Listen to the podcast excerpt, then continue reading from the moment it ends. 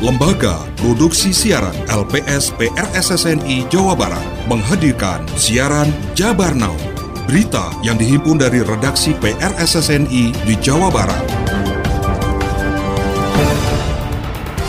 Ini adalah kawasan industri. Harapannya pemerintah Kabupaten Cirebon memperbaiki jalan atau titik-titik yang rusak. Ada dugaan tukang parkir sudah menyetorkan mengakunya sekian. Petugas dari Disub menerimanya sekian. Jabar Now hari ini menyajikan sejumlah informasi di antaranya cegah kebocoran Pemkot Banjar akan melakukan setoran parkir non-tunai. Kambing satu kandang di Sukabumi raib di gondol maling. Pengusaha manufaktur di Kabupaten Cirebon keluhkan jalan rusak. Bersama saya Endrias Mediawati, inilah Jabar Now selengkapnya. Petani kerjasama 306 KS 306 Subang unjuk rasa di depan kantor Badan Usaha Milik Negara BUMN dan kantor DPR untuk menyampaikan tuntutan terhadap kebijakan PT Sanghyang Sri yang berkaitan dengan swakelola lahan. Laporan disampaikan PR SSNI Korwil Karawang. Ketua Tani Sahrodi mengatakan sebagai petani penggarap kerjasama 306 yang mengelola di lahan aset HGU PT SHS menolak program restorasi budidaya padi dengan pola swakelola. Alasannya karena merasa tidak nyaman pengadaan pupuk dan saprodi tidak dipenuhi. Biaya budidaya terlalu tinggi, keuntungan terlalu kecil atau merugi. Ia menyebutkan estimasi pola swakelola yang ditawarkan dari PT SHS yakni produktivitas padi 6 ton ton per hektar, biaya produksi 19 juta 199 ribu rupiah per hektar, keuntungan petani hanya di angka 2 juta 160 ribu 200 rupiah per hektar. Untuk itu para petani sebagai regenerasinya ingin tetap melaksanakan kegiatan budidaya padi dengan pola kerjasama karena dirasa pola kerjasama bisa sama-sama menguntungkan. Budidaya tanam padi disewa kelola yang pertama dikatakan tidak nyaman, pupuk dan sapronya diatur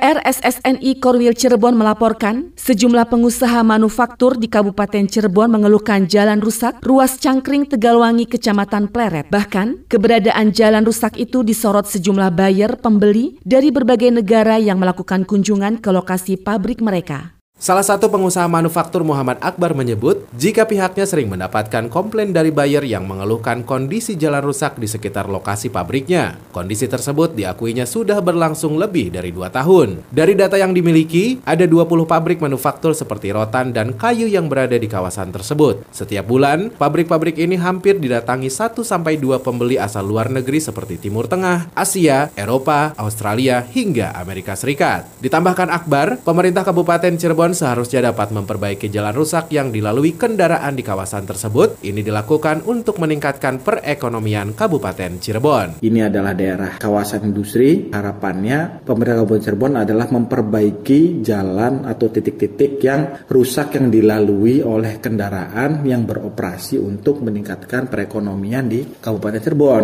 Keluhan yang sama juga diakui warga sekitar yang mengaku jalan rusak ini sudah berlangsung lama. Penyebab jalan rusak ini karena banyaknya kendaraan besar yang melintas dan diperparah dengan musim hujan. Lalu lalang mobil kecil, terus juga jalan utama, banyak pabrik juga di sini.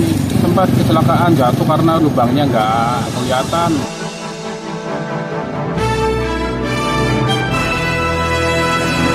Dua orang terduga pelaku pemerasan yang mengaku sebagai wartawan diamankan polisi. Keduanya meminta sejumlah uang kepada ketua RT di desa Sibanteng Lewiliang Bogor dan mengancam akan memberitakan dugaan pungli yang dilakukan korban. Berikut PRSSNI Korwil Bogor sampaikan informasinya.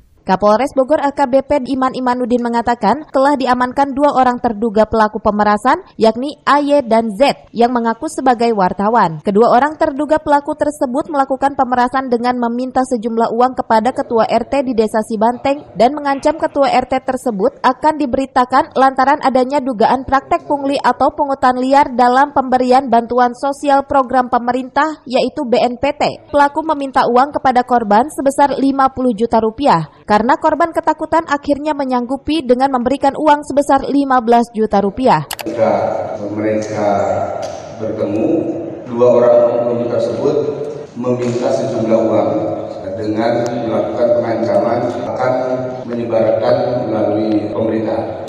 Dari tangan terduga pelaku pemerasan berhasil diamankan barang bukti berupa uang tunai sebesar 10 juta rupiah, dua ID card media, dua unit handphone, dan satu unit mobil. Atas perbuatannya, kedua tersangka dikenakan pasal 368 ayat 1 KUHP dengan ancaman hukuman 9 tahun penjara.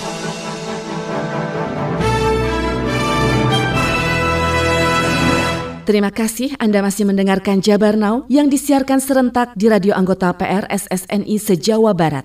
Saudara, belasan anggota geng motor yang diduga melakukan konvoi dan tindak kekerasan di kota Cimahi berhasil ditangkap polisi. Laporan disampaikan PR SSNI Korwil Bandung. Belasan anggota geng motor yang diduga melakukan konvoi dan mengacungkan senjata tajam di Jalan Warung Contong dan membacok dua pelajar di Jalan Mahar, Marta Negara, Kota Cimahi beberapa waktu lalu berhasil diringkus oleh polisi. Kasat Reskrim Polres Cimahi AKP Lutfi Olot Gigantara mengatakan pelaku yang berhasil ditangkap berjumlah 15 orang tersebut dan rata-rata masih berstatus pelajar, bahkan ada pelaku yang masih di bawah umur. Lebih lanjut, AKP Lutfi menambahkan pihaknya hingga kini masih melakukan pengejaran terhadap anggota geng motor lainnya. Satreskrim Cimahi telah berhasil mengungkap berandalan bermotor ini di mana 15 orang saat ini telah diamankan di Polres Cimahi. Namun kami masih tetap melakukan pengejaran terhadap orang-orang yang terlibat di dalam berandalan bermotor ini sehingga kami bisa secara jelas mengungkap siapa saja peran-peran yang akan ditetapkan sebagai tersangka.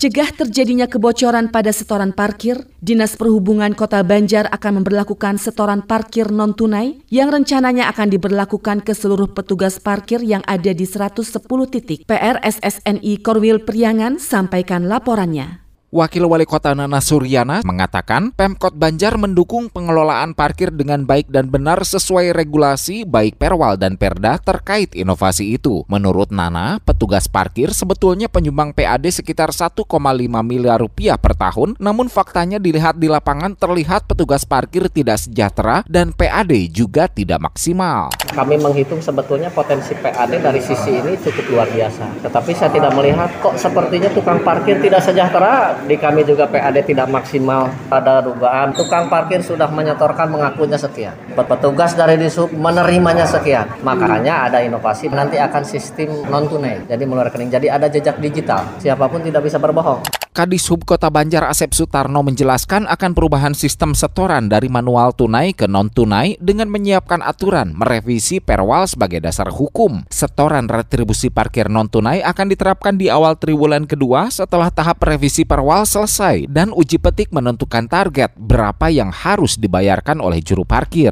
Merubah regulasi sebagai dasar hukum untuk pembayaran non-tunai dari juru parkir ke disub. Yang kedua, kita akan melakukan uji petik.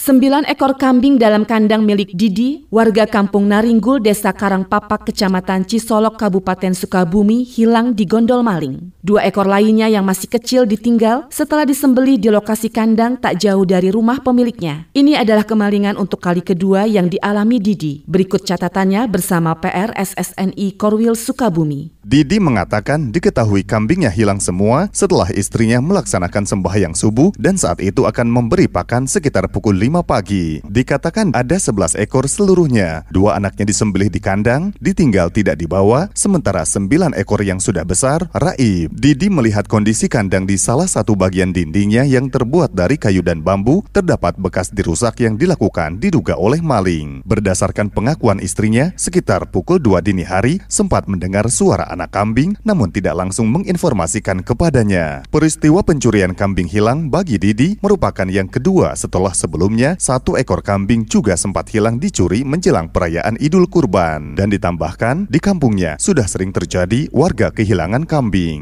Jam 5 ya subuh, kalau semua harapan, semuanya 11, tapi yang anaknya dipotong. Dipotongnya sama maling itu? Iya, sama maling. Terima kasih. Anda telah menyimak siaran berita Jabar Now yang diproduksi oleh Lembaga Produksi Siaran LPS PRSSNI Jawa Barat.